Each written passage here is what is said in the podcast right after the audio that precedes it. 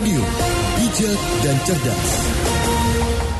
Dakta Radio Bijak berinformasi, cerdas berinteraksi. Di pukul 19.25 waktu Indonesia Barat, kami kembali mengingati rekan Dakta.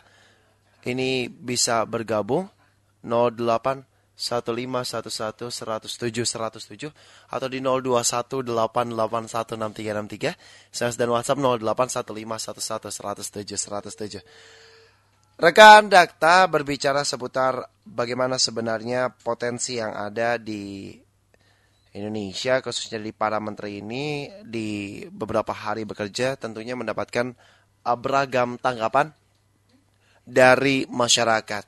Nama-nama menteri yang hadir di tengah-tengah kita saat ini mungkin juga mendapatkan beberapa penolakan ataupun banyak yang akhirnya menginginkan.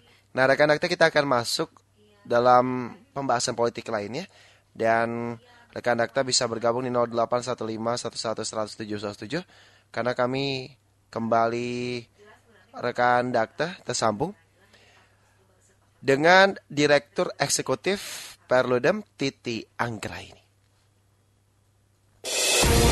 Data Radio, bijak dan cerdas. Assalamualaikum Bu Titi. Ya, Waalaikumsalam warahmatullahi wabarakatuh. Sedang dalam perjalanan ini ya Bu Titi ya? Iya, ini betul sekali di lagi di pinggir jalan. Oh baik, semoga tetap selamat sampai tujuan Ibu dan tetap berhati-hati Bu Titi. Mohon maaf ini mengganggu uh, waktunya Bu Titi.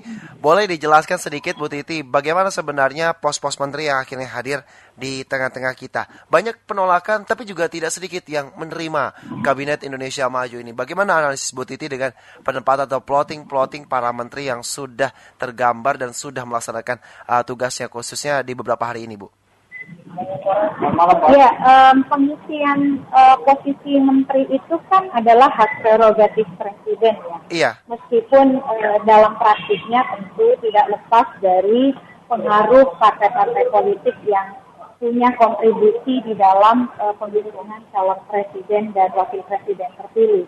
Dan saya kira juga uh, meskipun uh, itu adalah pilihan prerogatif presiden, tetapi tentu tidak berada di ruang hampa apalagi kalau kita dengar pernyataan uh, presiden kita bahwa ada kurang lebih 300 nama yang uh, diusulkan oleh banyak pihak untuk mengisi posisi uh, 34 kursi menteri dan kemudian ditambah 12 uh, posisi wakil menteri begitu. Jadi ya memang mau tidak mau harus diakui bahwa pilihan-pilihan uh, tersebut meskipun komposisinya kalau kita lihat uh, di beberapa analisis uh, ada 55 persen yang berangkat dari latar belakang profesional dan sisanya dari partai politik atau bagian dari kader partai, tetapi um, keberadaan mereka tidak lepas sebagai bagian dari kompromi politik yang uh, dimainkan oleh presiden kita di dalam mengakomodir kepentingan-kepentingan yang ikut berkontribusi di dalam uh, keterpilihan uh, Pilpres 2019 termasuk juga misalnya uh, masuknya uh, kompetitor uh, capres uh, Prabowo ke dalam uh, kursi menteri dan kabinet uh, Jokowi tidak lepas dari kompromi politik yang dalam banyak hal dijelaskan sebagai upaya untuk merangkul berbagai kepentingan sehingga uh, presiden terpilih lebih mudah di dalam menjalankan uh, visi misi program yang dia ingin bawa. Iya itu tadi ini adalah kabinet kompromi di mana kepentingan-kepentingan yang ada berupaya untuk diakomodir dengan kita sehingga bisa bahwa kontribusinya uh, di dalam pemenangan 2019 diakomodir oleh yang terpilih gitu. Bu Titi, tapi kalau kita lihat posisi menteri kan tidak lepas daripada posisi wakil menteri yang akhirnya dianggap sebagai bagi-bagi kue. Hak prerogatif memang, tapi masyarakat ada yang memandang bahwa bagi-bagi kue ini sudah menjadi sebuah hal yang lumrah dalam perpolitikan khususnya di sistem multipartai yang kita anut saat ini. Bagaimana Ibu Titi memandang bagi-bagi kue ala Pak Jokowi yang dilakukan kemarin, Bu?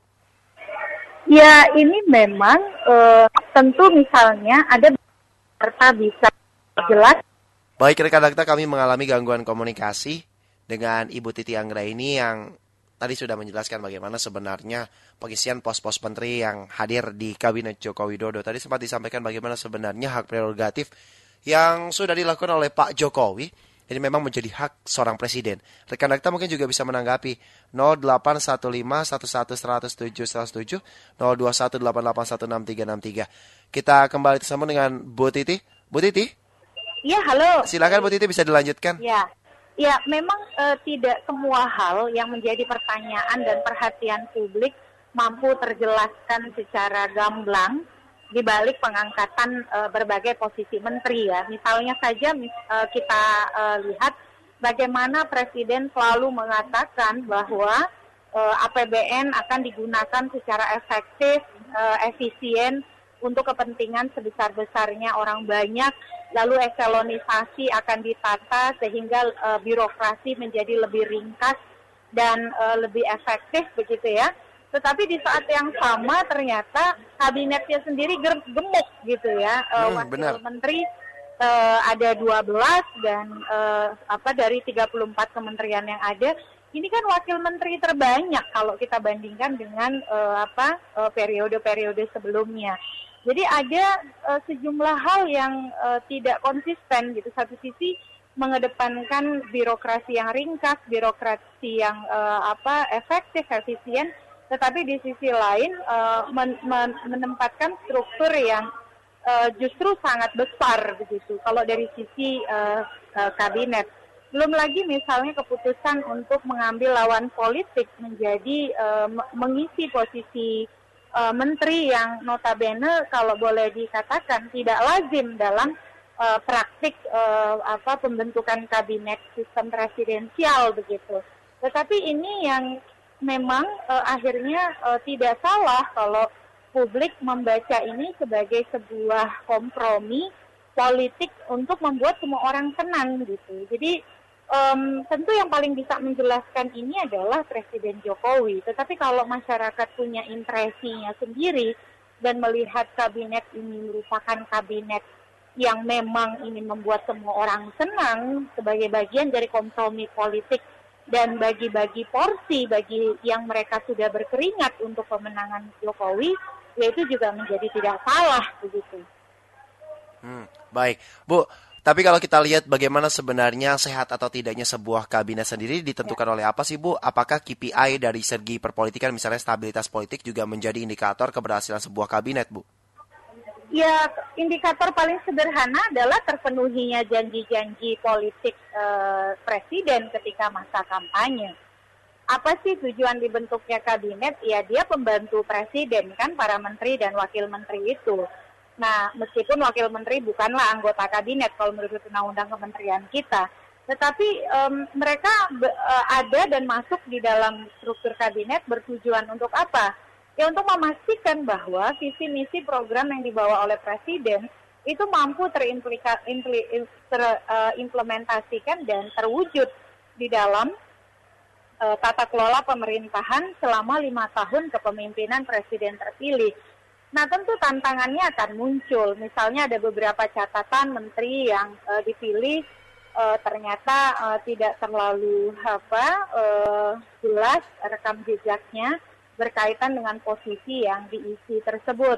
Lalu kemudian uh, misalnya ada menteri yang uh, tidak pernah kita dengar kiprah, kiprahnya uh, dalam konteks apa yang dia tangani, tetapi mendapatkan posisi itu Tentu kalau ini kemudian e, di dalam praktik pengelolaan kementerian dia tidak mampu mengejar apa yang sudah dijanjikan oleh presiden e, terketika masa kampanyenya, ini akan melahirkan e, kekecewaan tersendiri dari publik begitu dan tentu tidak baik kalau baru berapa lama atau tidak berapa lama dilakukan reshuffle. Meskipun reshuffle itu bukan fenomena baru ya di dalam kabinet yeah. kita tetapi memang sehat tidak sehatnya ya uh, apa key performance indicatornya adalah apakah mereka mampu merealisasikan janji-janji uh, presiden uh, ketika di masa kampanye menjadi program-program konkret yang uh, bisa terrealisasi di lima tahun masa kepemimpinan presiden terpilih. Dan itu tentu memerlukan uh, apa namanya profesionalisme, integritas, kompetensi, kapasitas yang um, betul-betul menyaratkan kepemimpinan yang baik dari uh, menteri uh, sebagai uh, anggota kabinet dan pemimpin uh, kementerian begitu dan Ini yang saya kira uh, apa akan menjadi uh, catatan bagi publik kita, uh, meskipun Pak Jokowi sudah dua periode, uh, tidak bisa mencalon lagi sesuai Undang-Undang Dasar kita. Iya. Tetapi bagi partai politik pengusung dan juga bagi Pak Jokowi sebagai uh, presiden itu akan menjadi legacy yang akan diingat oleh publik gitu. Kalau justru di periode kedua ini tantangan Pak Jokowi akan semakin besar, akan hmm. semakin berat karena dia dituntut untuk meninggalkan warisan atau jejak sejarah yang memang akan diingat oleh masyarakat Indonesia.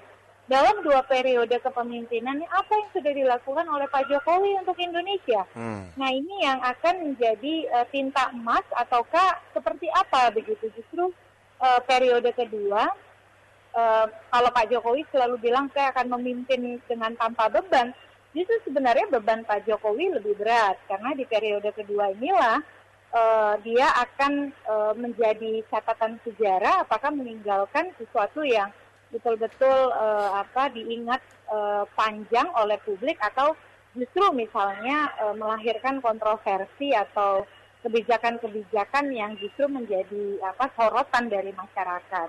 Baik, Bu ada yang ingin bergabung menanggapi perbincangan kita, boleh kita sapa? Baik. Assalamualaikum Dakta. Ya, Assalamualaikum. Dengan Pak siapa ini Pak? Sama di Depok. Silakan Pak. Ya, Assalamualaikum Mbak Titi. Waalaikumsalam. Silakan Pak. Halo Mbak Titi, Assalamualaikum. Iya, halo. Halo, Waalaikumsalam warahmatullahi wabarakatuh. Iya. Kalau tadi Mbak Titi mengatakan sederhananya kabinet itu sehat, indikatornya hmm. adalah dengan realisasi janji-janji presiden. Kalau menurut saya pribadi itu realisasi tidak ada mbak itu janji-janjinya. Hmm. Kalau menurut Mbak Titi bagaimana? Itu aja Mas Arno. Terima kasih. Baik, Waalaikumsalam warahmatullahi wabarakatuh. Silakan ditanggapi. Ya kan kita menunggu ya. Jadi uh, ini kan periodenya baru berjalan. Tentu ada evaluasi atas kepemimpinan Pak Jokowi lima tahun lalu dan juga ada yang akan menjadi catatan kita lima tahun ke depan. Nah justru nalar kritis dan sikap kritis kita yang menjadi sangat diperlukan. Karena kan Presiden misalnya selalu mengatakan, oh tidak ada itu visi misi menteri, yang ada visi misi Presiden. Begitu. Sementara di mana dokumen visi misi Presiden itu adanya di dalam visi misi ketika dia menjadi uh, peserta pemilu Presiden 2019 lalu. Jadi inilah pentingnya kita untuk terus kritis dan memberikan catatan-catatan dan juga uh, pengawasan atas kinerja parlemen bukan hanya presiden tetapi juga parlemen. Karena dalam banyak hal apa yang dikerjakan oleh presiden dan uh, parlemen kita itu ya kerja bersama misalnya pembuatan uh, legislasi. Undang-undang KPK kan disahkan bersama presiden dan DPR. Undang-undang MD3 yang menambah 10 pimpinan anggota 10 pimpinan MPR juga merupakan kesepahaman bersama antara uh, kemarin 10 fraksi di DPR dengan presiden. Jadi ya memang kontrol itu ada pada kita. Kalau kita merasa apa yang dilakukan itu tidak sejalan, tentu saluran-saluran politik itu disediakan untuk melakukan koreksi. Entah melalui wakil kita atau juga kemudian melalui saluran-saluran publik untuk terus mengkritisi hal-hal yang tidak berjalan. Tapi intinya adalah masyarakat diajak untuk terus berani menyuarakan hmm. apa yang menjadi pandangan politiknya dan menjadi pengontrol atas kekuasaan yang ada. Kan sekarang dibilang bahwa wah semuanya sudah satu suara nih, tidak hampir tidak ada oposisi dominan di parlemen. Yeah. Meskipun parlemen itu adalah uh, menjalan dalam konteks sistem presidensial multipartai yang kita anut, parlemen itu menjalankan fungsi-fungsi check and balances gitu ya posisi di uh, kabinet tidak serta-merta membuat bahwa parlemen kehilangan fungsi kontrolnya seharusnya kan seperti itu secara teori. Iya. Tetapi ya kita sebagai publik ya harus menyiapkan uh, diri kita uh, dengan kondisi yang terburuk sekalipun di mana oposisi yang sebenarnya untuk mengontrol kinerja pemerintah dan parlemen adalah pada kita gitu dan kemudian tentu juga dengan sokongan yang uh, luar biasa dari teman-teman media massa.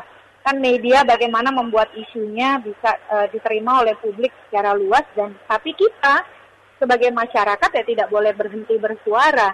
Nah, ini yang saya kira perlu menjadi catatan bagi kita semua untuk tetap memelihara kontrol dan pengawasan kita atas kinerja dari para uh, uh, apa pejabat publik yang kita pilih melalui pemilu. Karena kedaulatan rakyat ada di tangan rakyat itu sendiri ya Bu ya. Betul sekali. Baik, Bu Titi terima kasih sudah berbincang bersama kami di malam hari ini. Iya. Selamat sampai tujuan Ibu. Terima kasih. Assalamualaikum warahmatullahi wabarakatuh. Waalaikumsalam warahmatullahi wabarakatuh. Data Radio, bijak dan cerdas. Direktur Eksekutif Perludem Titi Anggraini.